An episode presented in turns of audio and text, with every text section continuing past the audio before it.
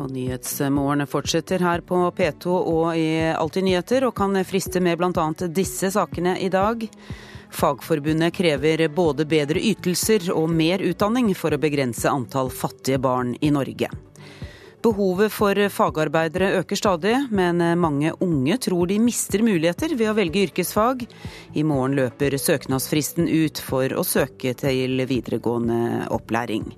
Og det blir strengere regler for å ta med hunder til Norge.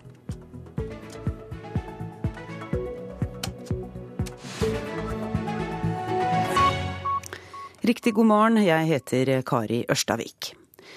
Regjeringen må gi mer penger til fattige. Det krever Fagforbundets leder Mette Nord, som er særlig bekymret for barna som vokser opp i fattigdom. Sammenlignet med 2001 er det i dag tre ganger så mange fattige barn. Barn som faller utenfor det sosiale fellesskapet, mister mange muligheter, sier Redd Barna. Å vokse opp i fattigdom, det påvirker nesten alle områder i et barns liv. Tenk deg at du er barn i Norge, og at du blir helt utenfor fritidsaktiviteter. Du får ikke de skoene eller klærne som andre barn har, og du vil helst unngå å ha med deg lekekameraten hjem fordi du føler skam over hvordan familien din bor. Seksjonsleder Tale Skibakk har snakka med mange fattige barn gjennom Redd Barna sitt norgesprogram. De opplever eh, mye skam og skyld, og de opplever det å bli holdt utenfor og ikke ha muligheten til å delta. Det er kanskje den største utfordringen eh, når det kommer til fattigdom og barn i Norge. Siden 2001 har gruppa med barn som bor i låginntektsfamilier i Norge, vokst fra rundt 30 000 til det tredobbelte. Barna bor i fattige familier som har hatt ei konstant låg inntekt i over tre år, ifølge Statistisk sentralbyrå. Ja, det er jo brutalt for dem det gjelder. Som da stadig får mindre og mindre å rutte med, til tross for at de andre får bare mye, mye, mye mer. Det sier leder i Fagforbundet, Mette Nord. Regjeringa har satt i verk en strategi, og i år blir det brukt 190 millioner kroner til målretta tiltak for å få ned tallet på fattige barn. Et minimum, mener daglig leder Tone Fløtten i forskningsstiftelsen Fafo. Man kunne jo si at Hvis ikke politikerne hadde hatt den oppmerksomheten de har, og gjort det de tross alt gjør, så kunne det vært enda verre. Jeg er bekymra for, for, denne utviklingen. For for første gang så ser vi at familier med innvandrerbakgrunn er overrepresentert i disse statistikkene. Det sier barne- og likestillingsminister Solveig Horne. Og vi vet at både språk og utdannelse er nøkkel til å komme ut i arbeidslivet og Derfor blir en eh, vellykka integrering eh, viktig hvis vi skal klare å redusere barnefattigdom i innvandrerfamilier. Og ekspertene er samde om at det viktigste virkemidlet er å få foreldre ut i arbeid. Men Sjansen for å få flere fattige er selvfølgelig stor når, når eh, vi vet at den måten man kommer seg ut av fattigdom på er gjennom arbeidslivet. Men nå er det jo studier som viser at uh, f.eks. annengenerasjons innvandrere gjør det bedre enn sine foreldre. Man må i hvert fall innrette en arbeidsmarkedspolitikk også som gjør at de som blir arbeidsledige, kommer i jobb igjen. Det sier leder i Fagforbundet Mette Nord. For å hjelpe de fattige barnefamiliene mener hun feriepenger til arbeidsledige og barnetillegg til uføre er to støtteordninger som kan bedres. Eh, og Det man da også kan gjøre, er jo å se på om eh, man kan drive kompetanseutvikling eh, også for de, slik at de som er utafor arbeidsmarkedet, og som er på vedvarende sosial støtte, kan få arbeid. Vi skal ha gode velferdsordninger rundt alle barnefamilier. og Derfor har vi også satt ned et utvalg som skal se på alle overføringsordninger til familier med barn under 18 år. De kommer med sitt forslag til endringer neste mandag. Og reportere her var Helga Thunheim og Hedvig Bjørgum. I går fortalte flere store transportselskap at de ikke lenger har råd til å kjøre med så mye biodiesel som de gjorde i fjor. Og slikt blir det debatt av i Politisk kvarter, programleder Thomas Alverstein Ove.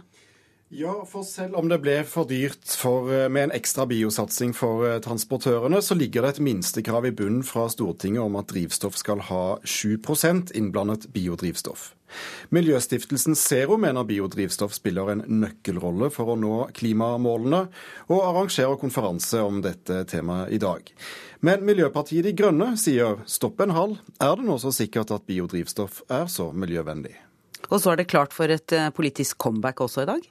Ja, Fiskeren og hvalfangeren Steinar Bastesen, som mange kanskje husker fra to perioder på Stortinget fra 1997 til 2005. Han er tilbake som listetopp for Kystpartiet i Troms.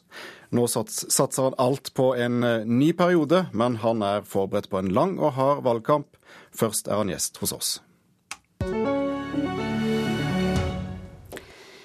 I morgen løper søknadsfristen ut for å søke på videregående opplæring. Behovet for fagarbeidere er stadig økende, men dessverre er det mange unge som tror de mister muligheter ved å velge yrkesfag. Men nå skal vi høre at slik er det nødvendigvis ikke. De som ønsker å bli ingeniører innenfor bl.a. elektro- og anleggsbransjen, kan nemlig ta en praktisk retning inn i den akademiske verden. Ali, mm. Håkon, ja. Gitters, ja. Besh, yep. Daniel, Sebastian. På Ullern videregående skole er VG2 Elektro i gang med første time etter lunsj. De fleste har bare noen måneder igjen før de skal ut i læretid. Simen Ingebrigtsen er en av de som tenker på å bli ingeniør, men da med en yrkesrettet tilnærming fremfor den mer tradisjonelle akademiske veien. Etter videregående så skal jeg jobbe som lærling, og så skal jeg ta fagbrevet i elektrikerlinja. Og da er jeg godkjent elektriker. Og så da videre kan jeg velge om jeg vil eh, studere mer og få mer eh, studiepåbygg. Og kanskje utvikle meg mer til noe elektroingeniør eller noe sånt. Og du kan eh, gå bli elektroingeniør ved å gå elektro. Jeg tror at um, mange bedrifter setter pris på at vi har uh, god praksiserfaring. Og praksiserfaring, det får elevene mer enn nok av. Andreas Clifford viser frem et pulserende signallys de har programmert i automasjonsfaget. Ja, men Her har vi en PLS. Den kan vi da styre og programmere via et dataprogram. Uh, og vi kan da lukke gatene og åpne og programmere som vi vil. Så vi kan da liksom, designe våre egne kretser. Men hvor viktig er egentlig den praktiske innfallsvinkelen til høyere utdanning? Avdelingsleder Margrethe Tschudi ved Ullern videregående skole har selv gått fagveien. Jeg tok fagbrev og tok ingeniørhøgskolen etterpå. og um, Det var ikke veldig vanskelig å forstå stoffet. Du hadde knagger å henge det på. og Det var mye enklere. og jeg gikk jeg må si det gikk ganske lekende lett. Så det er iallfall én fordel. En av de som har gått den praktiske veien til høyere utdanning, er Ellen Therese Rasmussen, som i dag er ingeniør i Union Konsult. Hun er glad for det løpet hun har gått. Jeg har i hvert fall fulgt hjertet og gjort det jeg har lyst til, og jeg har også fått lov til å følge hjertet og gjøre det jeg vil. Og det har jo i dag en god jobb, og jeg syns det er veldig spennende det jeg driver med. Du kommer jo inn på, på fagbrevet ditt, sånn som jeg som hadde elektro. Jeg hadde valg om å gå videre på, på universitetet på elektroutdanning, elektronikk eller fornybar energi, da. På det universitetet jeg valgte. Reporter her var Andreas Trygstad. Kristina Jullum Hagen, du er direktør for arbeidsliv og kompetanse i NHO. Velkommen til Nyhetsmorgen. Takk, god morgen. God morgen, ja. Dere er eh, opptatt av at det finnes alternative veier for eh, videre utdanning. Hvilke muligheter finnes etter fagbrev? Mulighetene ved å velge yrkesfag er mye større enn folk tror. Man kan gå Y-veien til ingeniørutdanning, som vi hørte i innslaget. Eh, man kan gå en mesterbrevutdanning. Det er kanskje en utdanning som egner seg særlig godt for de som ønsker å bli bedriftsleder eller leder i en større bedrift. Du kan velge fagskole, som er en høyere yrkesfaglig utdanning av litt kortere løp, mellom et halvt år og to år. Og du kan selvfølgelig også ta påbygging som gir deg studiespesialisering. Enten parallelt med at du tar et fagbrev, eller etterpå. Så mulighetene for å ta mer utdanning etter et fagbrev for de som ønsker det, er mange, og mange flere enn folk flest tror. Men Hvorfor er det da så mange unge som tror de låser seg ved, velge, ved å velge yrkesfag? Altså, yrkesfagene har endra seg veldig mye, og kanskje særlig siden foreldregenerasjonen var ung. Det kan hende at en del av forklaringa ligger der. For mange av mulighetene som har åpna seg videre, har kommet eh, i de senere år. Eh, og derfor så lever denne myta videre om at det er ved å velge studiespesialisering at man holder alle muligheter åpne. Men i NHO så ser vi tvert om på det, og tenker det at det er nettopp ved å velge yrkesfag at du holder alle muligheter åpne. Eh, NRK har eh, snakket med noen ungdomsskoleelever på Marienlyst skole her eh, like ved NRK-bygget, og vi skal høre hva en av dem sa. Jeg tenkte litt på sånn elektriker pga. pengene. Men så tenkte jeg vet du hva, nei, moren og faren min vil at jeg skal gå studie. De tenker, det er også åpner det mest dører. Du lukker veldig mange dører hvis du går yrkesfag. Hvis ikke jeg hadde valgt så hadde jeg mest sannsynlig blitt kasta ut av huset. Så det er ikke så mye valg for meg. De er sånn skjult, du bør helst velge det der, det er smartest og sånn, men hadde ikke fått lov til å velge yrkesfag. Det hadde ikke gått så veldig bra. Men kunne du tenkt deg å velge yrkesfag, da? Nei, det kunne jeg uansett ikke, så det er greit. Ja, en litt eh, lattermild uh, ung kar her, men hva vil du si til elever og foreldre også kanskje, som tenker slik som uh, han? Ja, jeg tenker at det er foreldrene som er en særlig viktig målgruppe her. For vi vet jo at, fra forskning at foreldre er utrolig viktige rådgivere for ungene sine, og særlig mødrene. Så min oppfordring er jo til foreldrene å sette seg inn i hvilke muligheter yrkesfag gir i dag. For som jeg sa, så har yrkesfagene endra seg mye, og nå er det 170 fag man kan velge med å velge et yrkesfag. Og det finnes en rekke muligheter for å ta mer utdanning for den som måtte ønske det. Men eh, med et fagbrev i lomma, så har man jo også muligheten til å gå ut i jobb og eh, være utdanna og tjene penger fra dag én. Og det setter veldig mange pris på. Takk til deg, Kristina Jullum Hagen. Du er direktør for arbeidsliv og kompetanse i NHO. Vi skal ta en kikk på dagens aviser. KrF og Venstre er opprørt over asylpraksisen, kan vi lese i Dagsavisen i dag. Nå ber Knut Arild Hareide og Trine Skei Grande, Høyre og Arbeiderpartiet snu i sin politikk om mindreårige asylsøkere. Dagens Næringsliv skriver at andelen unge uten jobb er på sitt høyeste siden 90-tallet. Forsker Jon Erik Dølvik mener det kreves langt mer enn på 90-tallet for at den høye ungdomsledigheten ikke skal bite seg fast. Direktør i Russlands utenrikspolitiske institutt nekter å tro på Norges planer, skriver Klassekampen. Alexander Dynkin tror ikke at Norge vil gå inn i Natos missilforsvar. Det er ikke Norges interesse å forverre forholdet, sier russeren til avisa. Rått parti i Rystraumen, står det på forsiden av Nordlys i dag. Greenpeace vil stoppe rigg med kurs for Barentshavet. Aftenposten har intervjuet Cato Fjell, som sliter med traumer etter å ha mistet kjæresten sin i en trafikkulykke. En ny studie viser at 55 000 nordmenn har posttraumatisk stresslidelse. Forening for unge kirurger slår alarm om kirurgmangel i Nasjonen i dag. Kirurg Jon Christian Glent mener ny legespesialisering vil føre til kirurgmangel ved norske lokalsykehus. Russlands skipresident og tidligere langrennsløper Jelena Welbe får forsiden i VG i dag med uttalelsen 'Jeg synes inderlig synd på Therese Johaug'. Mens Dagbladet gir sin forside til Erna Solberg og Jonas Gahr Støre, med teksten 'Jonas gruses av Erna'. Nå er Erna mer populær enn Arbeiderpartilederen. Vårt Land skriver at TV-kanaler omgår norsk lov mot direktereklame rettet mot barn ved å sende fra utlandet.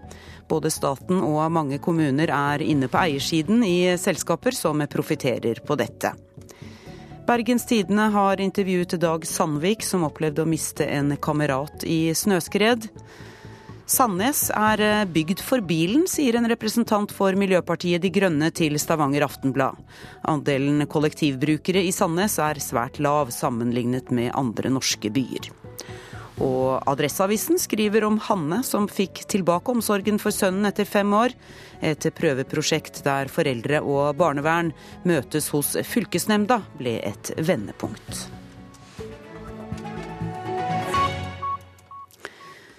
Marit Bjørgens konkurrenter er imponert over hennes mentale styrke. Den norske skidronningen dveler ikke ved antall gullmedaljer i VM, og tenker alltid framover på neste mulighet. Det er det ingen som klarer like godt, ifølge de utenlandske konkurrentene.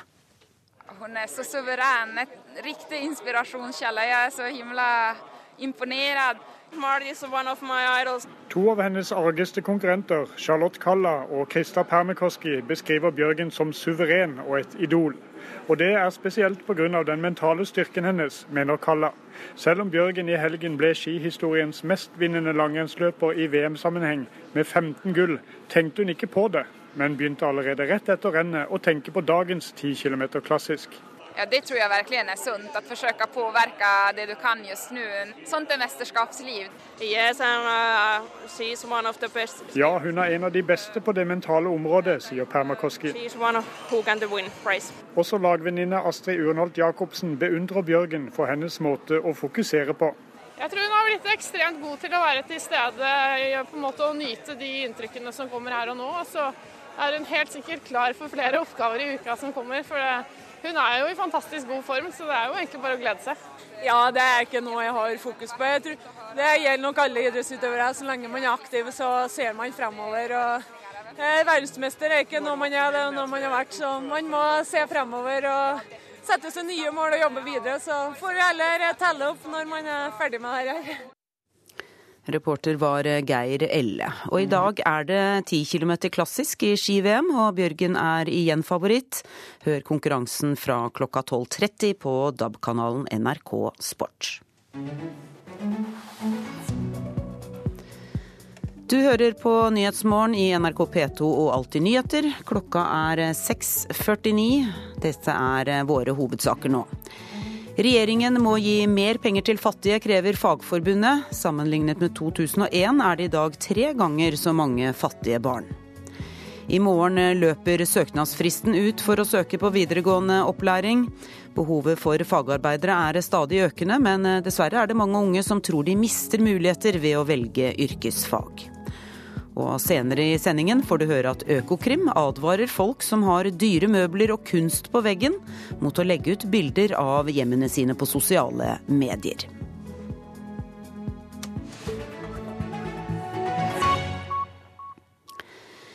De siste årene har flere nordmenn tatt med seg eierløse gatehunder de har møtt på ferieturen i utlandet, hjem til Norge. Grunnen er at regelverket ble endret slik at det ble enklere å importere hunder, men nå skjerpes disse reglene igjen fordi mange er redd for smitte vi tidligere ikke har hatt i Norge det finnes hunder i Norge også som trenger hjelp. og det, det, blir liksom så dumt å bruke veldig mye penger på det og dra smitte inn i landet. Og så tror jeg nok mange ikke tenker på at de har en helt annen bakterieflora. og Det er en del problematikk knyttet til det. ikke sant? I Sør-Europa som har helt annet bruk av antibiotika for eksempel, enn man har i Norge. Sant? Både på dyr og mennesker. Veterinær i Hamar, Helene Sofie Marvik, er en av flere dyrleger som er og har vært skeptisk til at det fra 2012 ble lettere å ta med seg en søt liten gatehund man møter på ferieturen i Hellas eller i Spania. Reglene ble endra fordi Norge måtte følge EU-regelverket som tilsier friere flyt også av dyr. Men i forrige uke kom næringskomiteen på Stortinget med en enstemmig innstilling om at det skal bli strengere. Det primære etter EU-retten er jo at folk skal kunne flytte for å jobbe eller dra på ferie, eh, og da kunne ha med seg eh, kjæledyr. Det primære for eh, EU-retten har altså ikke vært at en skal drive og flytte hunder som lever på gata, på tvers av Europa. Sier leder i næringskomiteen på Stortinget Geir Pollestad fra Senterpartiet. Det har nemlig blitt en jevn økning av import av eierløse gatehunder fra bl.a. Spania, Hellas og Romania. Økningen fra 2015 er på 1000 kjæledyr. Det er ikke sånn at hunden har sin bakterieflora, og vi har vår bakterieflora. ikke sant? Lever du i nærkontakt med en hund, så bytter du jo bakterier. Dyrlegen i Hamar har sjøl opplevd at en importert gatehund de skulle operere, fikk store infeksjoner fordi den hadde sjeldne bakterier i kroppen. Bakterier som måtte vaskes ut fra klinikken for å forhindre smitte. Mattilsynet skal nå utforme nytt regelverk for import av hunder. Saken skal opp i Stortinget 28. mars, men det er tverrpolitisk enighet om at det ikke lenger er nok med en rabiesvaksine og en ormekur. Nå må man ha hatt hunden i et hjem i seks måneder før den kan tas med til Norge men totalforbud av import av hund blir det ikke. Det vil òg i framtida være mulig å ha noe import av hunder til Norge. Eh, Bl.a. Eh, hvis det er geiterhunder, eh, politihunder eller til bruk i avl. Men som en konsekvens av den innskjerpingen som skjer, så kan en jo vil jeg nok risikere at det blir noe mer tungvint. Det er en pris vi er villige til å betale for å opprettholde en god dyrehelse og god folkehelse i Norge. Reporter var Anne Kari Løberg. Deler av 22. juli-kommisjonens referater må fortsatt hemmeligholdes. Det mener Nasjonal støttegruppe etter 22. juli. Hadia Tajik har i Dagbladet tatt til orde for at alle dokumentene må offentliggjøres.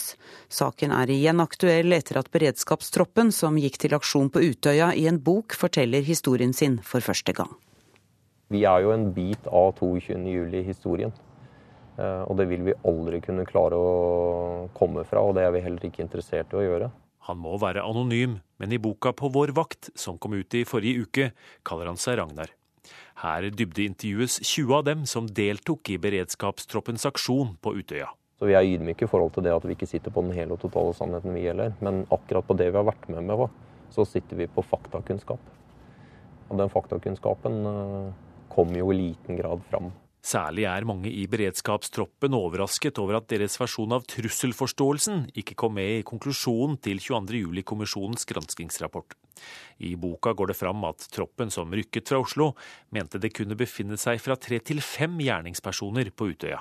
Det er en avstand mellom det beredskapstroppen forteller, og det som står i kommisjonsrapporten på enkelte punkter. Og det er viktig at vi drar læring av det det er mulig å dra læring av sier nestleder Hadia Tajik i Arbeiderpartiet. Enkelte deler av 22. juli-kommisjonens rapport er blitt offentliggjort, men intervjuene med beredskapstroppen og mange andre referater er fortsatt hemmeligholdt. Med henvisning til bl.a. personvern, taushetsbelagte opplysninger og sikkerhetshensyn har Riksarkivet avslått en rekke innsynsbegjæringer, både fra pressen og nå senest fra forfatteren bak På vår vakt. Mitt standpunkt er at alt må ut. Dette er informasjon som kan inneholde nyanser som ikke er fanget opp tidligere. Som kan ha læringsverdi for vårt beredskapsarbeid. Eh, og når det er snakk om det verste anslaget på norsk jord etter andre verdenskrig, så har det òg en dimensjon som eh, eh, argumenterer for åpenhet. Åpenhet er veldig viktig. Sier leder Lisbeth Kristine Røyneland i Nasjonal støttegruppe etter 22.07-hendelsene. Jeg syns det er veldig viktig at alt kommer på bordet som har med systemsvikten å gjøre. Men jeg kan også godt skjønne at uh, noe av det ikke kan offentliggjøres pga. personvernhensyn. Da tenker jeg på personlige intervjuer bl.a. med f.eks. Eh, de berørte. Hadia Tajik sier det selvsagt blir viktig å anonymisere dem som har behov for det, og å sladde gradert informasjon hvis alle referatene skal offentliggjøres. Det har allerede gått seks år. Eh, det er min mening at det bør ikke gå veldig mange flere år før referatene er offentlig tilgjengelig. Kulturministeren bør se på offentliggjøring av referatene på ny. Reporter var Gjermund Jappé. For mange er det både naturlig og vanlig å vise fram hjemmet sitt med kunst og andre eiendeler på sosiale medier. Nå mener Økokrim du bør være forsiktig med å dele personinformasjon sammen med dyre møbler og kunst for å hindre tyveri. Stylist og interiørblogger Linda Elmin tror også at det er lurt å ikke legge ut for mye informasjon. Det jeg tenker på når jeg skal ta bilder, er jo at det skal være, være inspirerende. Um, og så er jeg er ganske sånn at jeg setter ting veldig sånn rett på. Uh, Stylist og interiørblogger Linda Elmin vant Vixen Blog Awards for årets interiørblogg i 2015 og var nominert under årets utdeling. Hun oppdaterer sosiale medier og blogg ofte. Det vil inspirere litt, uh, både meg selv og andre. Elmin mener det er viktig å tenke seg om før man publiserer på sosiale medier. Jeg tenker at man skal være litt forsiktig med hvem man inviterer hjem. Eh, for det er jo det man gjør på sosiale medier. Eh, spesielt hvis man har en åpen profil, så inviterer man jo alle, både kjente og ukjente, inn. Så jeg tenker at man skal være litt forsiktig med å ha døren på vidt gap når man ikke vet hvem som kommer inn. Innlegg og bilder av kunst og interiør er veldig populært på sosiale medier. På bildedelingstjenesten Instagram har den engelske hashtaggen interior blitt benyttet nærmere 20 millioner ganger. Mange oppgir fullt navn, og muligheten for også å geotagge hvor man befinner seg, kan utgjøre en risiko i forhold til tyveri. Det sier Kenneth Didriksen i kunst- og kulturminneavdelingen i Økokrim. Tidligere så var det jo, eh, før blogg var en plattform, så var jo eh, magasiner eh, papir boligmagasiner, interiørmagasiner, som, som eh, folk sto frem og viste hva de hadde av interiør, og hadde kanskje hatt en oppussing og var godt fornøyd med den, og kunne vise interesse for leserne. Og Det finnes jo eksempler på at eh, fra det var vel Sverige, der eh, etter et innbrudd ble funnet magasiner eh, på stedet med kan du si, da eh, ring rundt de tingene de ville ha tak i, de som hadde gjort innbruddet. Didriksen sier trenden nå er at alt kan publiseres i sosiale medier, ofte uten å tenke på risiko eller konsekvens. Det er vel litt på ting. Eh, sånn, tenker jeg. Og så tar man eh, fram kameraet og prøver å se liksom hvordan, hvordan det passer. Tror du det utgjør noe risiko hvis man har et dyrt maleri hengende på veggen og legger det ut? Eh, jeg, jeg, håper jo ikke det. Jeg håper ikke at vi har kommet dit ennå. Men jeg tror at vi kommer til å komme dit snart. Reporter var Karoline Tolfsen. Så et eh, værvarsel for i dag. Østafjells sørlig bris, på kysten økning til liten kuling. Om ettermiddagen eh, stiv kuling i Vest-Agder. Snø som brer seg nordover. Lokalt mye nedbør, utover dagen overgang til sluddbyger og snøbyger. Fjellet i Sør-Norge sørøstlig opp i liten kuling, om ettermiddagen dreiende sørlig. Snø, senere snøbyger. Rogaland sørøstlig bris, av og til liten kuling utsatte steder. Om formiddagen økning til stiv kuling, om ettermiddagen kortvarig sterk kuling på kysten. Perioder med regn eller snø. Hordaland og Sogn og Fjordane bris av skiftende retning, perioder med litt regn eller snø. Møre og Romsdal sørøstlig frisk bris utsatte steder. Nordøstlig frisk bris på kysten. Fra, morges, fra nå på morgenen perioder med regn, først i indre strøk. Trøndelag østlig og sørøstlig liten kuling utsatte steder. I kveld sørøstlig stiv kuling i Namdalen, og fra i, eh, nå på formiddagen litt sludd eller snø. Nordland og Troms østlig og sørøstlig bris, av og til eller stiv eh, kuling. Og på Finnmark sørøstlig bris, liten kuling utsatte steder i vest. Og på Spitsbergen skiftende bris, stort sett pent vær, lokal tåke.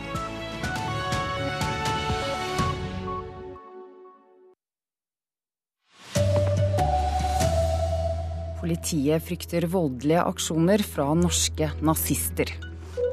Regjeringen må bruke mer penger på de fattige, krever Fagforbundet. Her er NRK Dagsnytt klokken sju. Politiets sikkerhetstjeneste frykter at nazister i Norge skal bli inspirert av meningsfeller i Sverige til å gjennomføre voldelige aksjoner. Tre menn i nazistorganisasjonen som kaller seg Den nordiske motstandsbevegelsen, er siktet etter tre brannbombeangrep i Gøteborg, bl.a. mot to asylmottak. Seksjonsleder i PST Jørn Presterudstuen sier det er tette bånd mellom medlemmene i Norge og i Sverige. Vi eh, mener jo at det er tette bånd mellom eh, vårt miljø og det svenske miljøet, og en eh, utvikling i det svenske miljøet mot stadig mer og tøffere voldelige aksjoner frykter vi at kan påvirke også individer i Norge til å gjennomføre tilsvarende eller lignende aksjoner her. Leder i Fagforbundet Mette Nord krever at regjeringen gir mer penger til de fattige, selv om det blir flere av dem. Særlig er hun bekymret for barn som vokser opp i fattigdom. Hun krever også at flere som mottar sosiale stønader må utdannes til arbeid. Ytelsene må opp, eh, og man kan ikke ta vekk f.eks. barnetillegget for uføretrygdede. Eh, og Det man da også kan gjøre, er jo å se på om eh, man kan drive kompetanseutvikling også for de, slik at de som er utafor arbeidsmarkedet, og som er på vedvarende sosial støtte, kan få arbeid. Da ville vi få en dobbel positiv effekt. Det er jo at nettopp dette, altså at folk kommer i jobb, får opp inntektene eh, og bidrar til samfunnet på mange måter. En 29 år gammel mann er lagt inn på Haukeland universitetssykehus med alvorlige skader etter å ha blitt funnet i snømassene etter et skred i Sogndalsdalen. Mannen ble først brakt med redningshelikopter til Førde sentralsykehus, senere ble han fløyet videre til Haukeland. Sykehuset sier mannen er alvorlig skadet eh, etter skredet.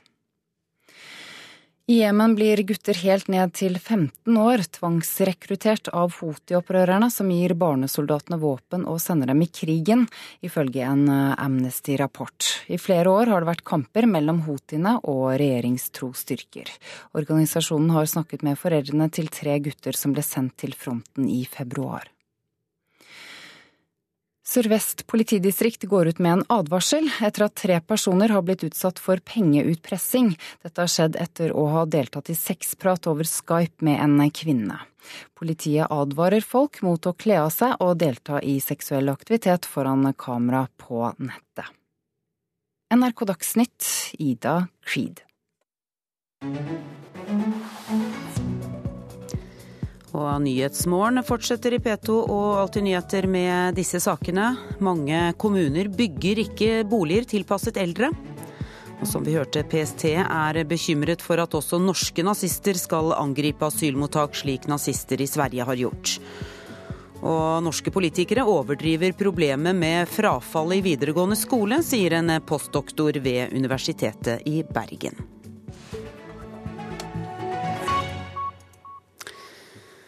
Om 40 år er hver femte nordmann over 70 år. Likevel er det mange kommuner som ikke bygger boliger som er tilpasset eldre, viser ny forskning. Med flere eldre er det både penger å spare og livsglede å vinne på å sørge for at de eldre kan få bo hjemme lengst mulig, ifølge forskere. Iveland er en av kommunene her i landet som har tatt grep på besøk hos Solfrid Hoverstad i Iveland kommune i Aust-Agder. Hei. Ja, hei, og velkommen inn. Etter 30 år på gård flytta 74-åringen inn i kommunens første leilighetskompleks for et og et halvt år siden. Det var et gammelt hus med trapp opp til loftet den begynner å bli litt skal, så var ikke den trappa så grei. Leiligheten hun bor i nå, ble bygga da kommunen så at eldre flytta til nabokommunene for å bo i leiligheta. I mange kommuner så prioriterer man ikke bolig for eldre høyt nok. Sier Nova-forsker Jardar Sørvold, som har undersøkt kommunenes boligplaner. Mens de store byene har flust av leiligheter, er det en mangelvare i flere distriktskommuner. Mange eldre bor i stedet for i eneboliger, lite tilpassa og langt fra lege, hjemmetjeneste og butikk, ifølge Sørvold. Man må jo få lov til å bo akkurat der man vil, men det er jo veldig synd eh, at man mangler alternativer som da gjør at folk eh, må flytte på institusjon tidligere enn det de ellers ville ha gjort, hvis de ønsker å bo hjemme, hjemme hos seg selv. En ny NOVA-rapport viser at over halvparten av eldre over 70 år bor i enebolig. Men sånn kan vi ikke fortsette i framtida. Utbyggere og kommune må satse med hjelp fra staten, mener Sørvold. Nei, det er jo klart at Fram mot 2040 så blir det mange flere eldre. Eh, spesielt i mange norske distriktskommuner. Og boligprosjekter tar jo lang tid å realisere. Derfor er det viktig å ta disse utfordringene på alvor eh, så fort som mulig. Man kan spare ganske mye penger man slipper å bygge så mange omsorgsboliger og opprette så mange heldøgnsplasser. Eh, og man kan bruke mindre tid på å reise og mindre ressurser eh, i eldreomsorgen. Og det blir viktig nå som vi blir flere eldre, å prøve å holde den utgiftsveksten nede, sånn at det blir mer penger til andre ting og andre viktige velferdstjenester. Når vi begynte på dette, så skal jeg jo ikke legge skjul på at det var veldig mange som var skeptiske. Gro Anita Mykjåland er ordfører i Iveland kommune. Før så var nok åpen omsorg, de brukte nok mer tid i bil enn det de brukte på pleie. Eh, når vi nå får eh, de innbyggerne ned i sentrum og får etablert de her, så er det klart at det blir mer effektive tjenester. Og så tror jeg faktisk at innbyggerne blir friskere av det. Det er alt det som er lettvinnere. Alt er jo så tilrettelagt. Og, og så var det jo trivelig med det naboene òg. Det ble jo mer ensomt der vi bodde. Hvor lenge har du tenkt å bo her, egentlig? Så lenge jeg lever. Og kan klare meg sjøl. Reportere her, det var eh, Kjell Pedersen og Marit Gjelland. Og Eivind Frilseth, du er områdeleder for fag og politikk i Pensjonistforbundet. Velkommen til oss. Takk. Hvilken betydning eh, vil du si at en enkel leilighet på ett plan har eh, sammenlignet med en treetasjes enebolig med mange trapper for eldre mennesker? Det kan være avgjørende betydning for livskvaliteten. Det er, eh, kan redusere muligheten for fallskader f.eks. Og det kan helt tatt bare gjøre livet og hverdagen lettere å gjennomføre. Hva syns du da om at det ikke bygges nok boliger tilpasset eldre? Nei, Det er en, en, stor utfordring, og det er et paradoks at det offentlige ikke tar et, et, større grep der. For det er det offentlige som til syvende og sist blir sitte med regningen i form av økte helse- og omsorgsutgifter. Hva er eh, årsakene, tror du, til at det ikke bygges eh, egnede boliger for eldre? Det er veldig sammensatt. Det er som det var i innslaget her, så ser du at i, i, distriktene så er det en stor avstand mellom behov og tilbud. Det er rett og slett ikke markedsøkonomisk lønnsomt å bygge nye leiligheter i mange distrikter. Mens i større byer så er det en, en større Altså der fungerer markedet rett og slett bedre. Det er større kjøpekraft, det er et økt tilbud, og det er lettere å, å komme dette i møte. Så dette er et problem som er mye større ute i distriktene? Ja, helt, helt klart. Det, der virker ikke de markedsøkonomiske grepene. Det er der vi etterlyser at det offentlige tar en rolle ved å enten være byggherre selv, eller på annen måte minimere utbyggers eh, risiko. Men hva kan eh, myndighetene gjøre for at utbyggere skal eh, bygge eldreboliger? Ja, dette går jo nett på å, å, minimere utbyggers risiko. Altså gjøre det lønnsomt. Dette kan man, altså man, I sentrale strøk så holder det ofte kanskje bare med god arealplanlegging og reguleringsplaner, for der virker markedet. Altså Hvis man setter av Lysaker brygge til boliger, så blir det bygget boliger der, og de blir kjøpt. I distriktene så er det mer sammensatt. Der må man kanskje ha tilskudd, støtteordninger, kanskje tilby tomter og en rekke andre aktive grep for at dette skal bli lønnsomt. Og I distriktene så er det også en, en, stor avstand mellom kjøpekraft og hva det koster for nye boliger er dyre også i distriktene. Mens de eneboligene de har å selge, ofte går for 1-1,5 million, så koster en ny leilighet 2, 3 og 4 millioner. Men du, mange eldre kommer seg jo ikke ut av sine tungvinte boliger før det ofte er for seint, ser man jo. Hva slags ansvar har de eldre selv? Eldre har et stort ansvar selv. Vi snakker om å ta ansvar for egen aldring. Det er altfor mange av oss som kjøper eh, vår siste bolig når vi er 40, og, og tar ikke inn over oss at vi har andre forutsetninger når vi blir 70 og 80. Så mange eldre burde ha solgt tidligere. Det er behov for eh, økt oppmerksomhet om dette. og Noe av det denne rapporten slår fast, er jo at et av de billigste grepene er jo å gi rådgivning. Enten til tilpasning av eksisterende bolig, eller rett og slett bare et økt bevisst nivå om at eh, kanskje bør du tenke gjennom dette når du er 50-60-65, før problemene oppstår. Hvor mye kan vi spare på at eldre blir eh, boende hjemme lengst mulig? Altså, Besparelsene er betydelige. Vi vet jo at en sykehjemsplass koster 1 million kroner i året. Og, og, og, det er per år. Så, så, hvis du da kan utsette at et menneske bor på institusjon i fem år, så er det jo fem millioner spart der. Så, så, hvis du ganger opp dette med antall eldre, så, så, ser man at besparelsene er enorme. Men det er uansett sånn at det er jo ikke institusjonsplass til alle. Det er om lag 40 000 som bor på institusjon i dag, og det er 750 000 som er over 67 år. Så det er 700 000 som bor i egne boliger, og det er slik i dag at eh, kun én av ti boliger er såkalt tilgjengelige. Så vi trenger flere tilgjengelige boliger. Så mange må ta grep her. og Hva har dere i Pensjonistforbundet tenkt å gjøre med dette? Eh, ja, vi, Akkurat i går ansatte vi en eh, rådgiver innenfor boligpolitikk. og eh, vi har et ansvar til å opplyse eldre, våre medlemmer og, og allmenn for øvrig om at, å øke deres bevissthet om dette her, slik at det, altså at det ikke er en fallskade eller redusert livskvalitet til før man velger å flytte. Men som sagt så, så kan man jo ikke etterspørre et, et, tilbud som ikke finnes. Og, og Utfordringen i distriktene er at det er stort sett bare eneboliger der. Så det er ikke noe annet å flytte til. Takk for at du kom til oss, Eivind Frilseth. Politiets sikkerhetstjeneste frykter at nazister i Norge skal bli inspirert av meningsfeller i Sverige til å gjennomføre voldelige aksjoner.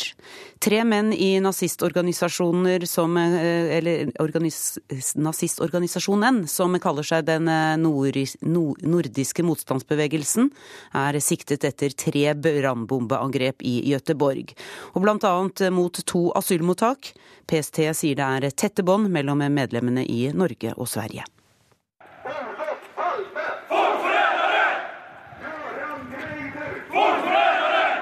Med skjold og store grønne og hvite flagg marsjerte nazistene gjennom gatene i den svenske byen Bolenge og i Stockholm i fjor. I togene gikk også noen titalls nordmenn, side ved side med tre menn som nå er siktet for bombeattentat og drapsforsøk. To av angrepene var rettet mot asylmottaket i Gøteborg. I et av dem ble en ung mann som jobbet der, alvorlig skadet. Det svenske sikkerhetspolitiet etterforsker saken Og alle de tre som er varetektsfengslet, er knyttet til nazistorganisasjonen som kaller seg Den nordiske motstandsbevegelsen. Det som skjedde i Sverige i januar, bekymrer seksjonsleder i PST, Jørn Presterudstuen. Vi eh, mener jo at det er tette bånd mellom eh, vårt miljø og det svenske miljøet. Og en eh, utvikling i det svenske miljøet mot stadig mer og tøffere voldelige aksjoner frykter vi at kan påvirke også individer i Norge til å gjennomføre tilsvarende eller lignende aksjoner her. De kaller seg selv nasjonalsosialister, hyller Hitler, fornekter holocaust, beskylder jøder og homofile for å ødelegge den nordiske rase, og kaller politikere og journalister for folkeforrædere. NRK dro i helgen til Dalarne i Sverige, der lederen for den norske delen av motstandsbevegelsen bor. Men Håkon Forvald trakk seg fra det avtalte intervjuet, og gikk fra stedet sammen med organisasjonens pressetalsmann Par Rødberg. Journalister som går hemmelige politiets ærend, har vi ingenting for. Forvald har tidligere sagt til nettstedet Filter Nyheter at bombeattentatene ikke har noe med deres virksomhet å gjøre. Jakob Ravndal, stipendiat ved Forsvarets forskningsinstitutt og Senter for ekstremiststudier ved Universitetet i Oslo, mener nazistorganisasjonen kjører bevisst dobbeltkommunikasjon. Motstandsbevegelsens oppførsel i forbindelse med saken er helt i tråd med slik de har gjort i mange andre tidligere tilfeller hvor medlemmer av organisasjonen har vært involvert i voldstilfeller, hvor de sier at dette er ikke en del av vår praksis i dag. Eh, og folk må selv få velge hva de gjør, vi kan ikke kontrollere alle. Samtidig som disse aktivistene nok vet at internt så vil de få støtte. Vi ser en grunnholdning eh, som er, eh, har et fiendebilde, som går både på innvandrere, som går på samfunnet generelt, som går på myndighetspersoner. Eh, hvor de fremhever at vold eh, kan være et akseptabelt middel for å oppnå sine politiske mål.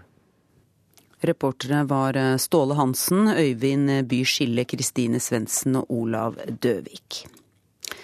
Norske politikere overdriver problemet med frafall i videregående skole. Det mener postdoktor Kristoffer Vogt ved Universitetet i Bergen. De som ikke fullfører videregående innen fem år etter at de har startet, havner i frafallsstatistikken. Men i mange andre land kan man bli langt eldre før man regnes som en dropouter. Nå er vi på Høgskolen i Bergen. Jeg har jo obligatorisk studie to dager i uken. da. Juni Vigar er på vei til studiedag på Høgskolen i Bergen, der hun studerer deltid for å bli barnehagelærer. Det har gått ti år siden hun droppet ut av videregående skole og begynte i fulltidsjobb. Og Da tok jeg et valg der jeg valgte å avslutte videregående og så begynne i jobb. Det føltes veldig riktig akkurat da. Jeg likte best å bo hjemmefra, jeg trivdes å være i jobb. Vigar ble da hun droppet ut en del av de rundt 30 prosentene som ikke fullfører videregående på normert tid, altså innen fem år etter at man har startet. Andelen som ikke fullfører har vært stabil siden 90-tallet, men vi omtaler den som et stadig større problem. Det mener postdoktor Kristoffer Vogt ved Universitetet i Bergen. Det er blitt mer og mer sånn at folk assosierer det med at ja, frafall det er virkelig det verste som kan skje med et menneske, og da går det riktig ille. Og det er veldig misvisende, for de gjør jo selvfølgelig det for et lite mindretall. Men for de fleste så, så, går det seg til. De kommer seg inn i arbeid og utdanning. Han har undersøkt forskning og debatt om frafall de siste ti årene, og er kritisk til signalene han mener vi sender til ungdom. Sånn som vi snakker om frafall i Norge i dag, så formidler man jo til en tredjedel av alle ungdommer at det er noe galt med dem. At de er samfunnsutfordringer.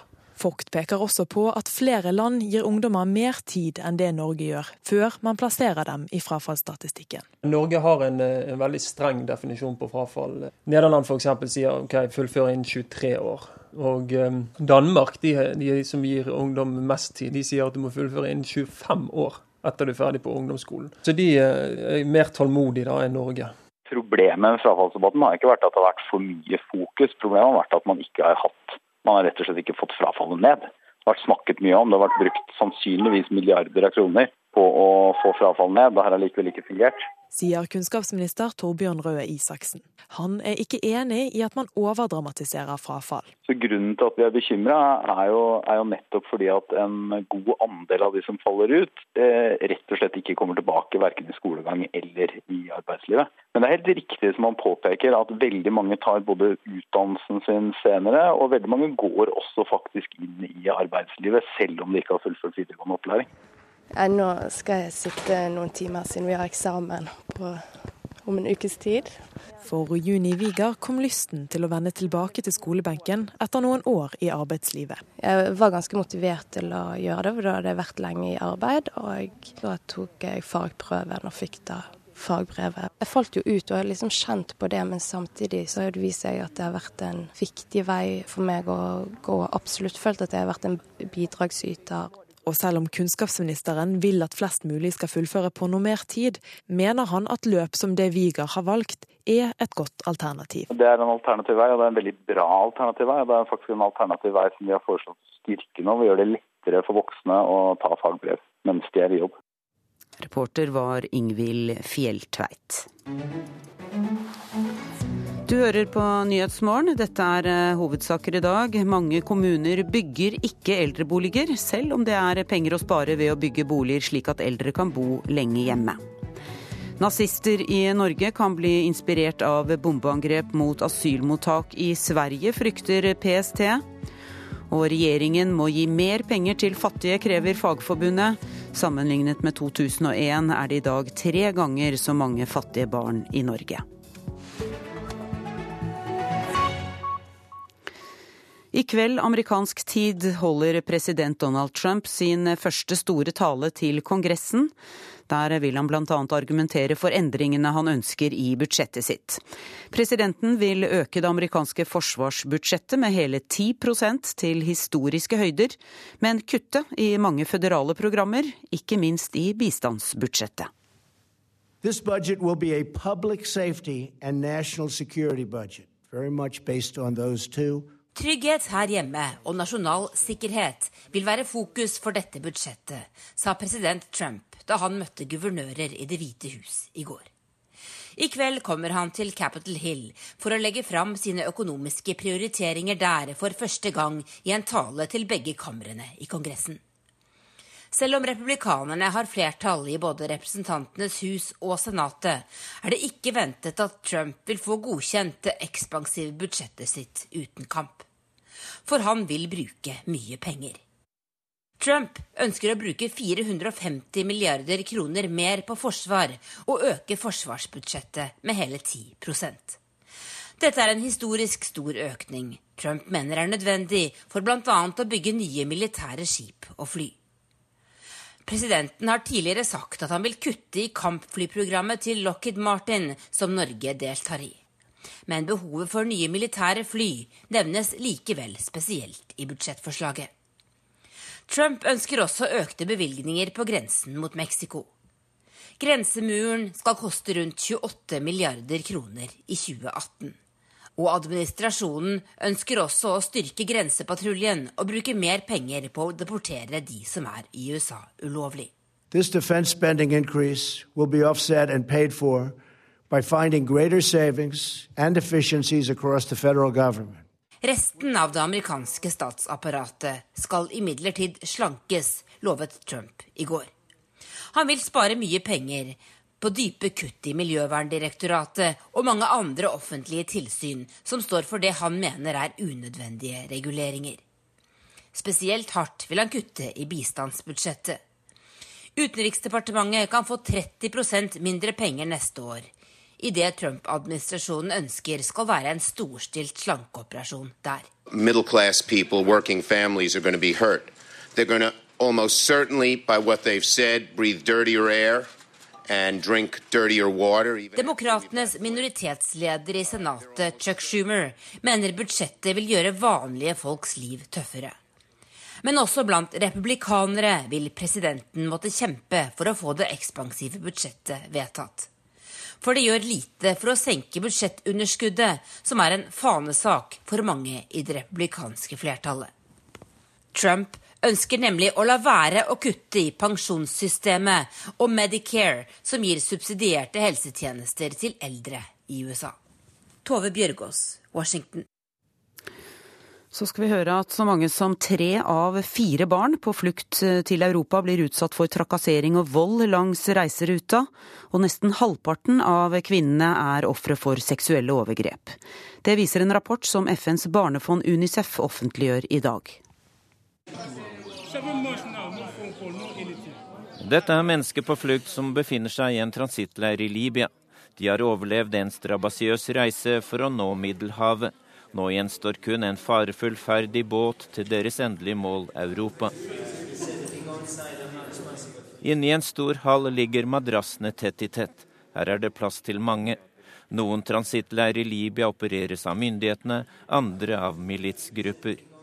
FNs barnefond UNICEF har snakket med mange barn og voksne under flukten fra hjemstedet til transittleirer i Libya. En av dem er en ungdom som flyktet fra terrorgruppen Boko Haram som herjer nordøst i Nigeria. Han valgte å flykte da foreldrene ble drept av den militante islamistbevegelsen.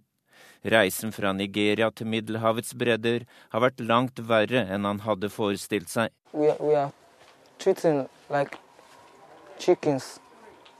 like who, who, who I don't know how to call this place. It's not good. Vi blir behandlet som kyllinger. Jeg finner nesten ikke ord. Det er ikke bra i det hele tatt. Denne ungdommen og alle andre har betalt menneskesmuglere for å ta dem fram til Libya og videre til Europa. Til tross for store pengesummer behandler smuglerne dem på en forferdelig måte.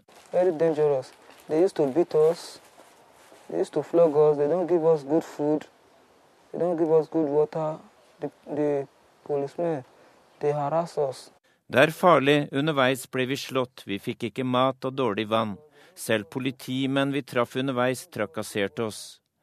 Tallene som Unicef legger fram i dag, viser at tre av fire barn opplever trakassering, aggresjon og vold langs reiseruten.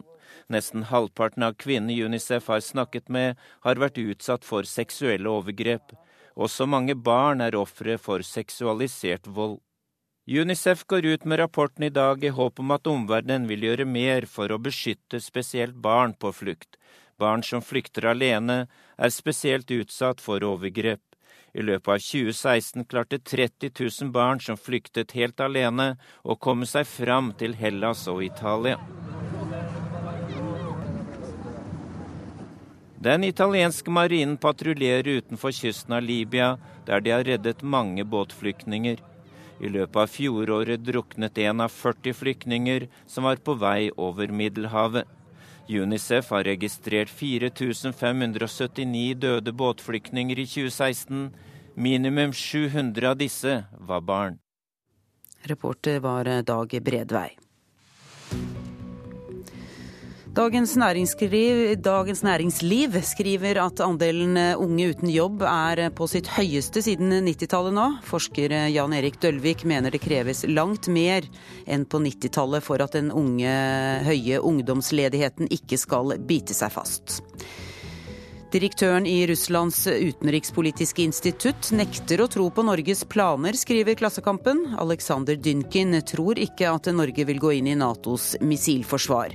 Det er ikke Norges interesse å forverre forholdet, sier russeren til avisa.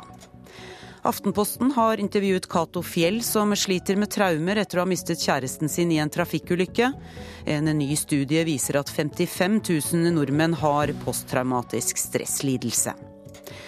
Russlands skipresident og tidligere langrennsløper Jelena Welbe får forsiden i VG i dag, med uttalelsen 'Jeg synes inderlig synd på Therese Johaug'. Mens Dagbladet gir sin forside til Erna Solberg og Jonas Gahr Støre, med teksten 'Jonas gruses av Erna'. Nå er Erna mer populær enn Arbeiderpartiledelsen. Og Adresseavisen skriver om Hanne som fikk tilbake omsorgen for sønnen sin etter fem år. Et prøveprosjekt der foreldre og barnevern møtes hos fylkesnemnda, ble et vendepunkt.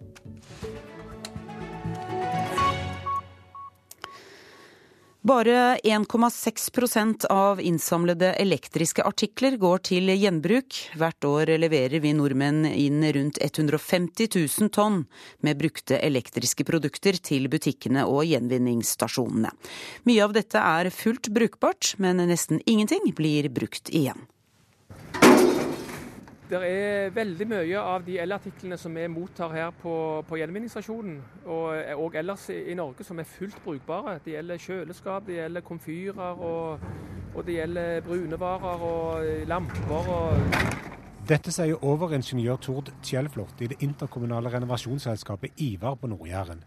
Han syns det er ille at andelen elartikler som blir gjenbrukt, er bare på 1,6 Altså Jeg mener at vi har et stort potensial når det gjelder elartikler, og legge til rette for at mest mulig går til gjenbruk. Eh, men så leverer vi jo gjerne inn et gammelt fjernsyn, en gammel komfyr til, til, butikken, og så skal de ta vare på det og få det til, til, gjenvinning. Er det butikkene da som er litt opptatt av å bare skrote det og tenke at eh, da kan de få, få solgt mer? Ja, altså systemet er jo lagt til rette sånn at de som driver med denne returordningen for elartikler, de er jo eid av butikkene. og det er klart De er jo ikke interessert i å få brukte varer ut i markedet igjen, for de ønsker jo å selge mest mulig, selvfølgelig. Og Et av disse selskapene som driver innsamling og resirkulering, er Norsirk. Administrerende direktør Stig Ervik svarer dette på påstanden om at bransjen ikke ønsker gjenbruk. Det må nesten produsentene sjøl svare for, men vi som Nordkirk er i hvert fall interessert i den sirkulære økonomien. Og først i sirkulærøkonomien kommer gjenbruk foran gjenvinning. Så vi er interessert i dette. Men at det kan være for noen kryssende interesser, det kan det helt sikkert. Er det mulig å få dette høyere enn 1,6 Definitivt. Det er først og fremst datautstyr og mobiltelefoner som i dag blir helt eller delvis gjenbrukt. For artikler som hvitevarer, musikkanlegg og fjernsyn er gjenbruket nær null, viser tallene fra Miljødirektoratet. Ved å gjenbruke så sparer vi miljøet for, for, for utslipp, energibruk, CO2 knyttet til det å produsere materialene og sette sammen produktene. Det sier fagsjef Henrik Lystad i bransjeorganisasjonen Avfall Norge. Han tror det er mulig å få til mer gjenbruk. Det er ikke bare bedre for miljøet å gjenbruke fullt brukbare produkter som man ikke lenger ønsker å, å bruke. Det kan også være bra for, for økonomien. Tilbake på gjenvinningsstasjonen treffer jeg Hasse Brun Henriksen. Han syns det er vondt å se hvordan flotte kjøleskap og flatskjermer nå blir kasta, og antagelig går rett til resirkulering. Jeg legger merke til én ting. De det ser ut som de er glade når de er her ute for å hive når de kjøper ting. Reporter var Øystein Ellingsen. Du lytter til eh, Nyhetsmorgen. Produsent for Nyhetsmorgen i dag er Sjan Erik Bjørnskau. Jeg heter Kari Ørstavik. Spillerom i dag. Da Thomas Dybdahl ble født, så var det ingen skriking og skråling. Han mumla fram 'takk' og satte i gang å stemme gitaren.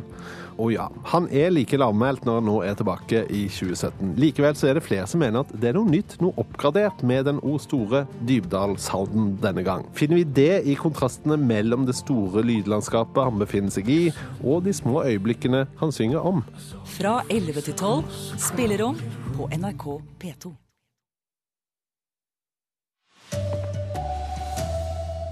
Mange kommuner bygger ikke eldreboliger. Nazister i Norge kan bli inspirert av bombeangrep mot asylmottak i Sverige, frykter PST. Problemet med frafall i skolen er overdrevet, sier forsker. For de fleste så, så går det seg til, de kommer seg inn i arbeid og utdanning. God morgen, her er NRK Dagsnytt klokken 7.30. Mange kommuner bygger altså ikke boliger som er tilpasset eldre, viser ny forskning. Med flere eldre i årene fremover er det penger å spare og livsglede å vinne på å sørge for at de kan bo hjemme lenge. 74-åringen Solfrid Hoverstad har flyttet fra gården sin.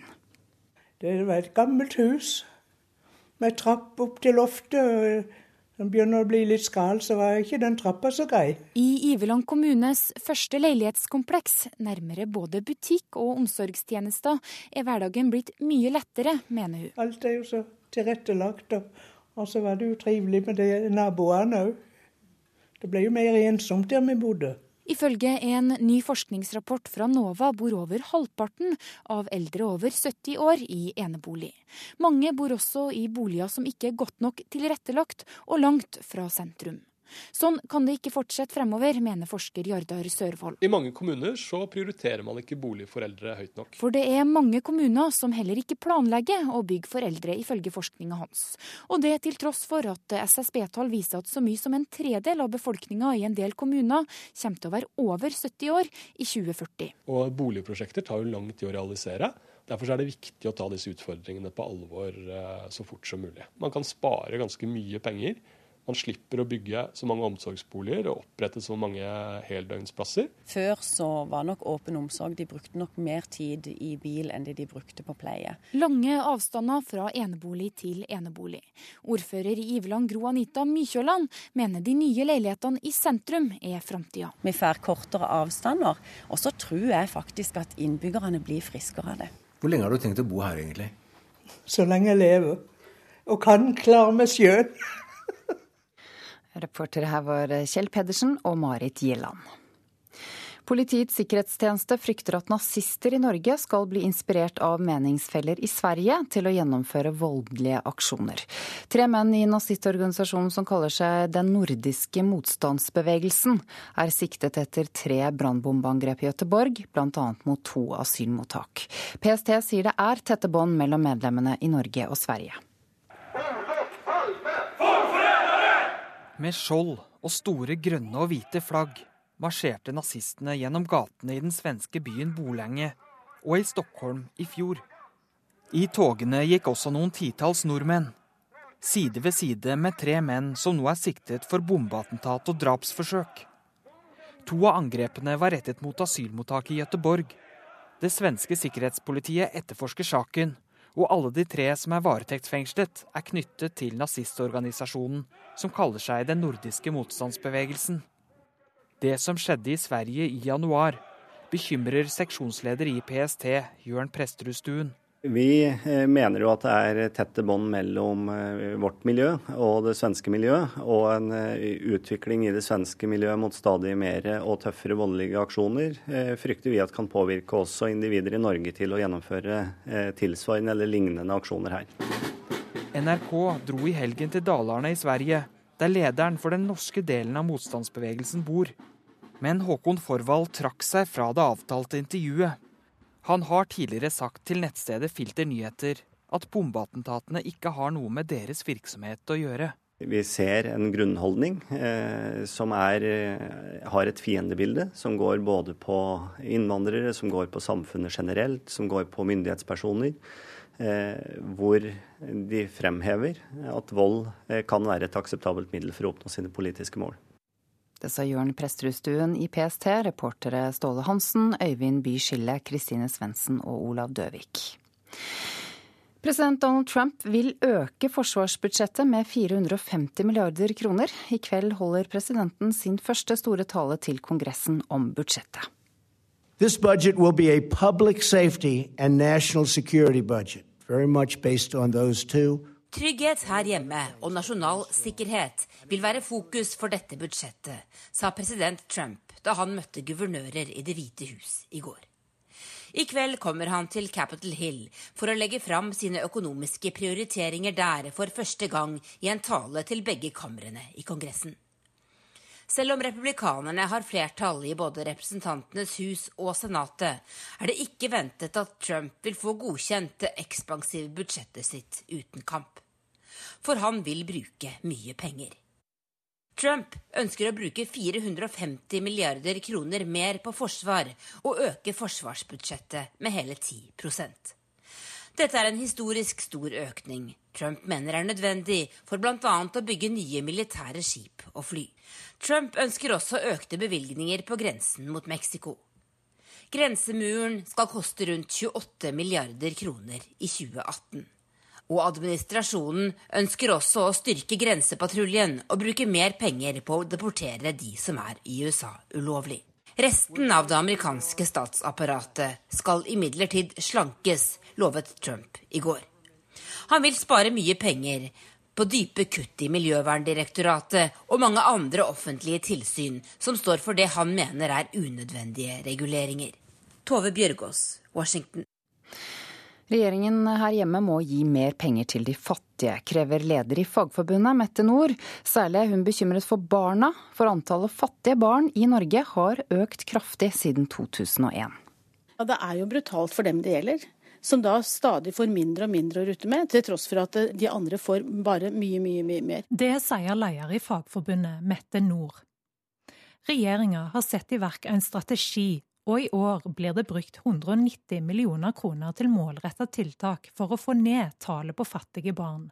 Jeg er bekymra for, for, denne utviklingen. For for første gang så ser vi at familier med innvandrerbakgrunn er overrepresentert i disse statistikkene. Det sier barne- og likestillingsminister Solveig Horne. Og vi vet at både språk og utdannelse er nøkkel til å komme ut i arbeidslivet. Og Derfor blir en vellykka integrering eh, viktig hvis vi skal klare å redusere barnefattigdom i innvandrerfamilier. Man må i hvert fall innrette en arbeidsmarkedspolitikk også som gjør at de som blir arbeidsledige, kommer i jobb igjen. Det sier leder i Fagforbundet Mette Nord. For å hjelpe de fattige barnefamiliene mener hun feriepenger til arbeidsledige og barnetillegg til uføre er to støtteordninger som kan bedres. Eh, og Det man da også kan gjøre, er jo å se på om eh, man kan drive kompetanseutvikling eh, også for de, slik at de som er utafor arbeidsmarkedet, og som er på vedvarende sosial støtte, kan få arbeid.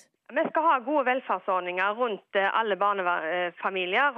og Derfor har vi også satt ned et utvalg som skal se på alle overføringsordninger til familier med barn under 18 år. De kommer med sitt forslag til endringer neste mandag. Helga Tunheim og Hedvig Bjørgum var reportere i dette innslaget. Nå skal vi gjøre at norske politikere overdriver problemet med frafall i videregående skole. Det mener i hvert fall postdoktor Kristoffer Fugt ved Universitetet i Bergen. De som ikke fullfører videregående innen fem år, havner i denne frafallsstatistikken. Det føltes veldig riktig akkurat da. Jeg likte best å bo hjemmefra, jeg trivdes å være i jobb. Det har gått ti år siden Juni Vigar droppet ut av videregående skole og begynte i fulltidsjobb. Jeg falt jo ut og har liksom kjent på det, men samtidig så har jeg absolutt følt at jeg har vært en bidragsyter.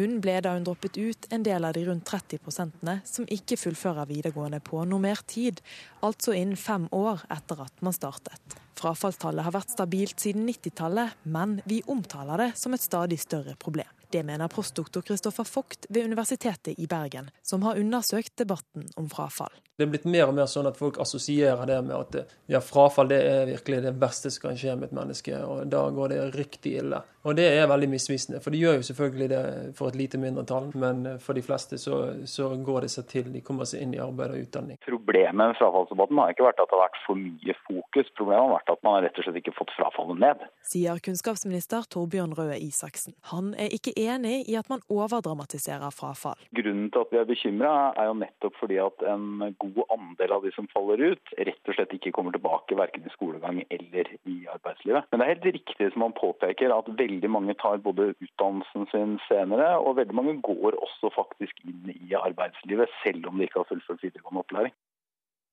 Reporter Ingvild Fjelltveit. Det er Arild Svalbjørg som er vaktsjef og ansvarlig for Dagsnytt-sendingene denne morgenen. Jeg heter Ida Creed.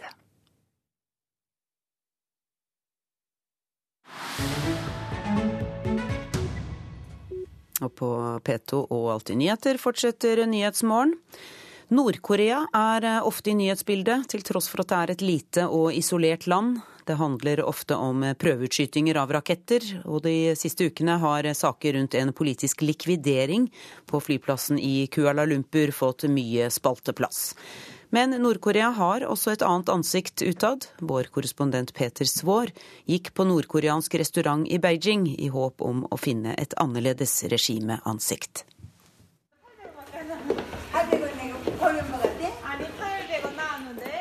Si hva du vil om Kim Jong-un, men å drive restauranter, det har regimet hans litt greie på. På Cha Yang-men-avenyen her i Beijing kan du spane etter den tause jenta. Vakker som en porselensdukke der hun står i sin fargerike, tradisjonelle vide kjole, som er snørt så hardt i livet at det er et under at hun holder balansen. Hun vil åpne døren for deg, men hun hilser ikke.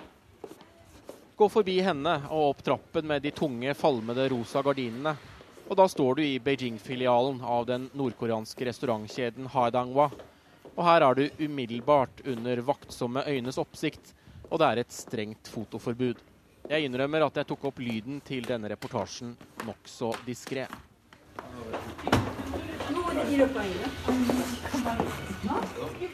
Jeg har vært her et par ganger, mer av nysgjerrighet enn for matens skyld. Menyen er helt grei koreansk mat, men den er grovt overpriset. Og for en norsk gane er det lett å skvette litt til når man blar om og finner fargerike kjøttretter som hundestuing til rundt 500 kroner tallerkenen.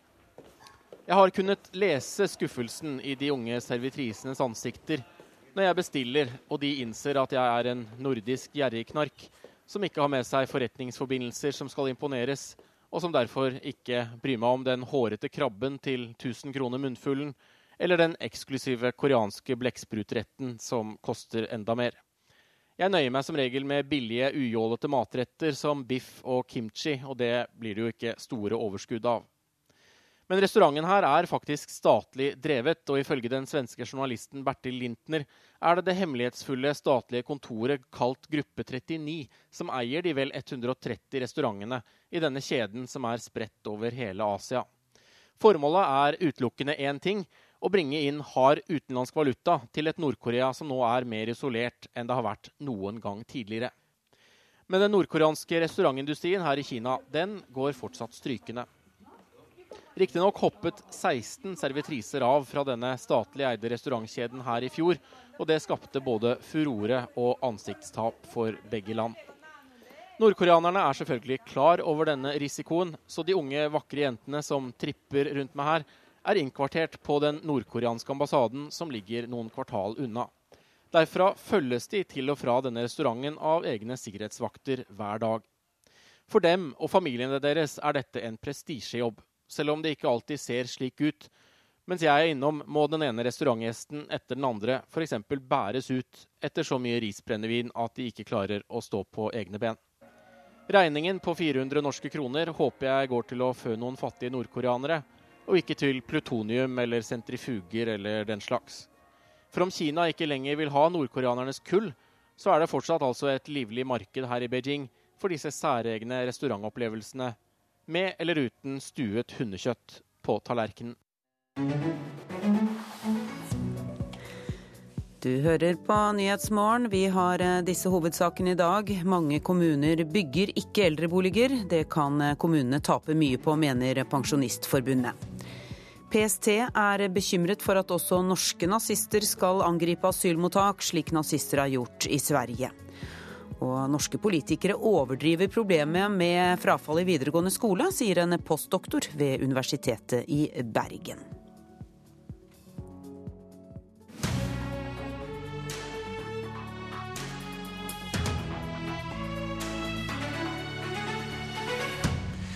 Biodrivstoff har en viktig og helt sentral plass for å nå klimamålene, mener Miljøstiftelsen Zero. Men stopp en halv, sier Miljøpartiet De Grønne. Vet vi egentlig nok om miljøeffekten av biodrivstoff, spør partiet. Hvalfangeren Steinar Bastesen har hatt tolv års pause fra rikspolitikken. Nå tar han på seg selskinnsvesten og er klar for Stortinget igjen. 71-åringen er listetopp for Kystpartiet i Troms. Her er Politisk kvarter, og vi skal eh, først snakke om miljø. For innen 2020 skal norske biler, busser og trailere kjøre på minst 20% biodrivstoff. Det bestemte regjeringen og samarbeidspartiene da de snekret sammen statsbudsjettet før jul. Og allerede i år er 7% av drivstoffet ditt biodrivstoff. Men dette har presset prisene opp. Flere store transportaktører som i fjor kjørte på langt mer biodiesel enn dette, må droppe den ekstra miljøsatsingen fordi det blir for dyrt. I går fortalte Posten at de kuttet CO2-utslippene sine med 11 000 tonn i fjor ved hjelp av biodiesel. Slike kutt blir det nok ikke i år. Rasmus Hansson, stortingsrepresentant for Miljøpartiet De Grønne. Er du overrasket over at eh, transportgigantene rykker tilbake til minstekravet? Jeg er veldig lei for det, for de har vært uh, veldig flinke og uh, vist vei. Uh, og så er det trist at vi har fått en biodrivstoffsatsing som er blitt litt sånn hals over hodet, slik at det er skapt forventninger som da ikke kan følges opp når prisen øker. Og fossildrivstoff blir eh, mye billigere. Fordi at Hvis man skal få denne biodrivstoffsatsingen til å fungere, så må man først og fremst sørge for at det biodrivstoffet vi får er bærekraftig, så det ikke undergraver tilliten til det og ødelegger miljø og klima. Og for det andre så må vi sørge for at det er lønnsomt å bruke biodrivstoff. Eh, det vil si, at biodrivstoff må være billigere og fossildrivstoff må være dyrere. Så vi i Miljøpartiet De Grønne er for biodrivstoff. Jeg kjører på det, eh, men det er ikke noen quick fix. Hvem har da ansvaret for at, eh, at flere transportselskap nå gir opp denne ekstrainnsatsen? Mye av ansvaret ligger jo hos stortingsflertallet og til dels regjeringen. Særlig Arbeiderpartiet og Senterpartiet har vært overivrige i reklamen for biodrivstoff.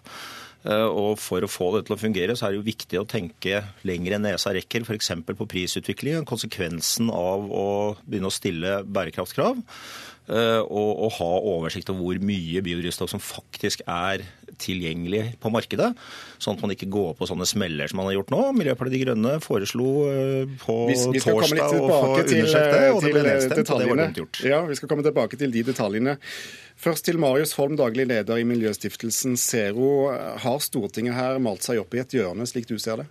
Nei, jeg synes Stortinget har gjort en veldig god jobb i uh, biodrivstoffsaken. Vi fikk, For det første så har vi jo i denne stortingsperioden fått endret avgiftene, sånn at det er avgift på fossilt, men ikke på fornybart drivstoff. Det betyr at det, altså er det vedtaket som gjør at mange aktører har begynt å kjøre på biodiesel i tungtransportbransjen. Eh, fordi prisforskjellen er eh, redusert veldig. Og så kom det et vedtak i høst om å øke omsetningskravet til 7% i år, og videre mot 20% i 2020. Det er også et riktig tempo. Hvis vi skal klare å fase ut den forurensende fossile dieselen tidsnok, så må vi trappe opp den fornybare. Og når vi vedtar et omsetningspåbud, så blir det mer fornybar diesel, ikke mindre. Så, det, om, så dette må skje i det tempoet det skjer i? Ja, og så er det viktig å forstå hvorfor prisen har gått opp. Det er ikke fordi, og hvorfor har den det? ja, fordi det er ikke fordi vi har økt omsetningspåbudet til 7% først og fremst. Det er først og fremst fordi vi har stilt strengere miljøkrav til biodiesel, og det er jeg helt sikker på at Rasmus Hansson er enig i at vi bør gjøre. Det kan du få svare på kort. Ja, jeg sa jo at det var derfor det hadde skjedd. Ja, nettopp. Så det er ikke, det er ikke et overilt stortingsvedtak om å øke markedet som har ført til prisøkning. Det er rett og slett miljøkravene. At vi har fått én type palmeoljebasert biodrivstoff ut av markedet, sånn at det har blitt en viss knapphet. Men det går jo over. Gjør det det, Tom Christer Nilsen, statssekretær for Høyre i Samferdselsdepartementet. Har dere tatt eh, for mye Møllers tran, for å si det sånn? Nei, ikke i dette tilfellet. Um, altså det er veldig leit at noen enkeltselskaper avslutter sin 100 biodrivstoffsatsing. Det, det, det, er jeg lei for. Uh, men de gjør det på bakgrunn av en midlertidig uh, prishopp i, i biodiesel. Uh, men omsetningskravet vil jo allerede fra neste år eh, ha en effekt som er mange mange, mange ganger høyere enn det som, eh, det som dette, dette skjer. Jeg kan slutte meg til det. Men vil ikke da prisen presses ytterligere opp? Altså, Vi vil få en utvikling fremover som er forutsigbar. Det betyr at de som skal produsere biodrivstoff, de som skal starte med produksjon i Norge bl.a. av eh, restprodukter fra skogindustrien eller fra skogindustrien direkte, de vil vite at det kommer etterspørsel etter eh, biodrivstoff som stiger opp. Eh, bl.a. vil der i 2020 være en etterspørsel etter over 160 millioner liter med, med, med høyeste gradert biodiesel, også etter bærekraftskriteriene. Det er en markedsmulighet for skogindustrien i Norge, og det er en markedsmulighet for de andre som produserer biodrivstoff i Norge. Det viktige for de er at de vet at dette markedet vil være der. Eh, da kan vi få produksjonen, da kan vi få produksjonskapasiteten. Da kan vi etter hvert også få ned prisen, og vi kan få eh, et konkurransedyktig produkt som jeg tror etter hvert når denne, denne opptrappingen kommer, etter hvert vil utkonkurrere eh, store deler av fossildrivstoffet. Dette vil gå så bra så, Rasmus Hansson? Ja, det er fint, men det gikk altså ikke bra. Bare fem dager etter at vi foreslo at vi skulle forsøke å skaffe oss litt mer kunnskap om hva som kom til å bli utviklingen, og hva som var ressurstilgangen tilgangen. Så, For du så, kom med et forslag i Stortinget som, som ble altså, grundig motstemt ja, i, i, i, uh, forrige uke. og Der du stiller spørsmålstegn ved eh, bl.a. miljøeffekten og, og uh, om vi har nok kunnskap om det innføringen av biodiesel. Hva, hva var bakgrunnen for det? det? Bakgrunnen var at biodrivstoff er en del av klimaløsningen. Men det er en veldig vanskelig del av klimaløsningen, og en ikke veldig stor og langvarig del av klimaløsningen. Og den er vanskelig fordi i prinsippet så er biodrivstoff å helle enten mat eller natur på tanken. Og så må man gjøre det på en måte som er bærekraftig og etisk akseptabel, og da må det stilles veldig strenge krav. Sånn som uh, man i økende grad gjør. Men det vi mangler, det er kontroll på hva vil vi få tilgang på hvor mye vil vi komme i gang, eller hvor raskt vil vi komme i gang og produsere norsk biodrivstoff? For det gjør vi foreløpig ikke, og skjer sannsynligvis ikke før nærmere 2020, etter de vi har snakket med. Og hva blir, eh, hva blir resultatet for markedet av det, særlig for norske aktører? Og det som da altså skjedde, var at fem dager etter at det forslaget vårt ble nedstemt, så kom det et prishopp som ingen hadde forutsett. Her sitter folk ja. og sier vi har nok peiling. Nå, nå skal... Eh, de hadde ikke nok peiling til å forutse eh, at biodrivstoff ble tre dager forsvare. Hvor trygge er dere på at, kan, at, at, markedet kan få tilført nok biodiesel, og at biodieselen faktisk er bedre for miljøet enn en alternativet? For det første vil jeg si at Hvis tilnærmingen som Rasmus Hansson nå brukte, en slags Nostradamus-tilnærming til at vi skal kunne vite alle ting i fremtiden om alt, så, eh, så, så ville vi aldri ha satt i gang med, med elbilomstillingen i Norge. Da hadde vi ikke trodd på, siden det var blybatterier den gangen, at dette noen gang kunne komme til å bli bærekraftig. Vi er nødt til å være litt, eh, litt modig og ta noen, eh, ta noen, grep som gjør at vi, vi der i fremtiden får nullutslippssamfunnet. Biodrivstoff er ett av disse. Den viktigste måten å sørge for produksjon på er å skape trygge forutsetninger for et marked i fremtiden. Og det gjør vi ved denne omsetnings, omsetningsreglene. Det neste er at vi setter også krav til hva slags biodrivstoff vi skal ha inn i dette omsetningskravet. F.eks.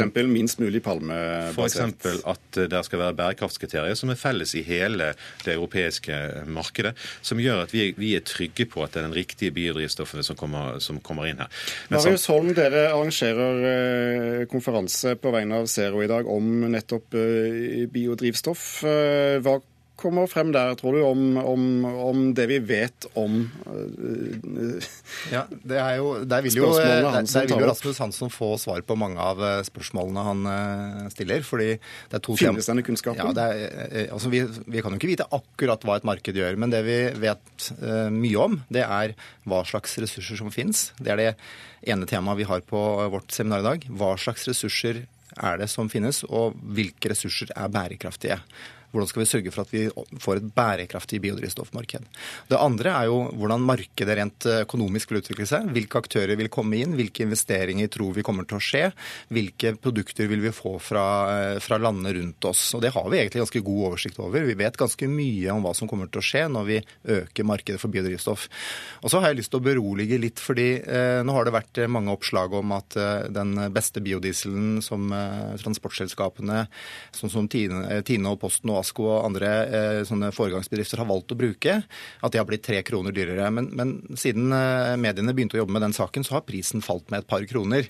Så nå er prisforskjellen nede i mer sånn normale eh, svingninger igjen. Eh, så, liste... så, biodieselprisen kan svinge like mye som, som andre, og liste, ja, liste, listeprisen for, eh, for uh, biodiesel hos uh, Circle K er nå nede i eh, halvannen krone, ikke tre kroner mer enn vanlig diesel. Kort. Og det er et veldig godt poeng. Kort vil jeg si at en må være veldig forsiktig med å ta en ukes svingning i pris som liksom 30 års eh, perspektiv på, på prisutviklingen for biodrivstoff. Vi vil se utviklinger i pris som dette. Vi ser det på vanlig drivstoff.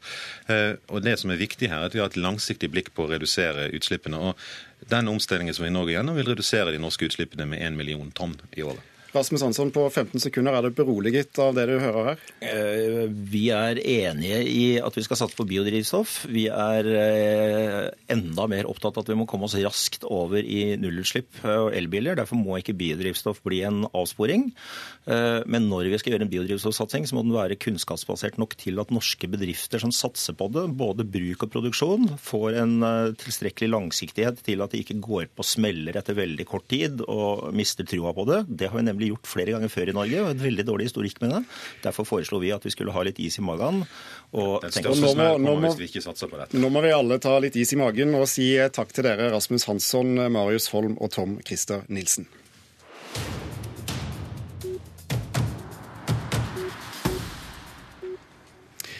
Fiskeren og hvalfangeren Steinar Bastesen vil tilbake til Stortinget. I helgen valgte Kystpartiet ham som førstekandidat for Troms.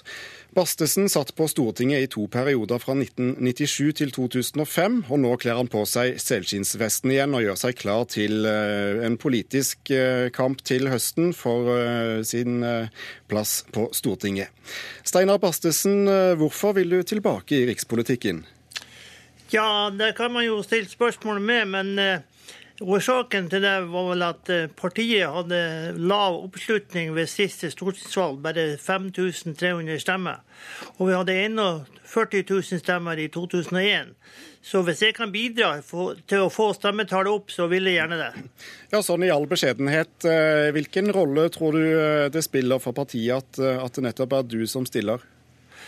Nei, det jeg ikke hvilken rolle. Det jeg vil ikke spå. Men jeg håper at folk har tillit til, til meg og vil stemme Kystpartiet. Det er mitt håp. Hva er den viktigste saken du og Kystpartiet vil inn på Stortinget for å kjempe for? Ja, det, Nummer én så har vi allerede starta med å si at uh, lukkede oppdrettsanlegg er veldig viktig for å få kontroll med det som foregår med, med lakseoppdrett. Vi har et stort luseproblem som eh, må kontrolleres. Og eh, det er nok laks i havet til å tilsvare 12 millioner mennesker. Ikke én av disse har utslippstillatelse. Så eh, det er nok av saker å gripe fatt i. Men det er fortsatt fiskerinæringen som står i fokus? Ja, det vil det være. Vi har en en eh, utvikling langs kysten som gjør at, at eh, folk flytter fra distriktene og inn til byene fordi de blir fri for arbeid. Og eh, strukturen er veldig viktig for oss å, å beholde. Det kan være både veier og det, det, det, er også Infrastrukturen er veldig viktig. For det går ikke an å produsere laks i Oslofjorden. Og det er ikke eneste vindmølle oppe på rådhuset i Oslo. Og vi trenger distriktene for å, for å få livskraftige og skikkelig og lønnsomme byer. Det er sånn det er. Naturressursene er det, det, det er grunnlaget for all velstandsøkning rundt om i verden. Hva er strategien for å vinne tilbake velgernes gunst eh, for deg og Kystpartiet?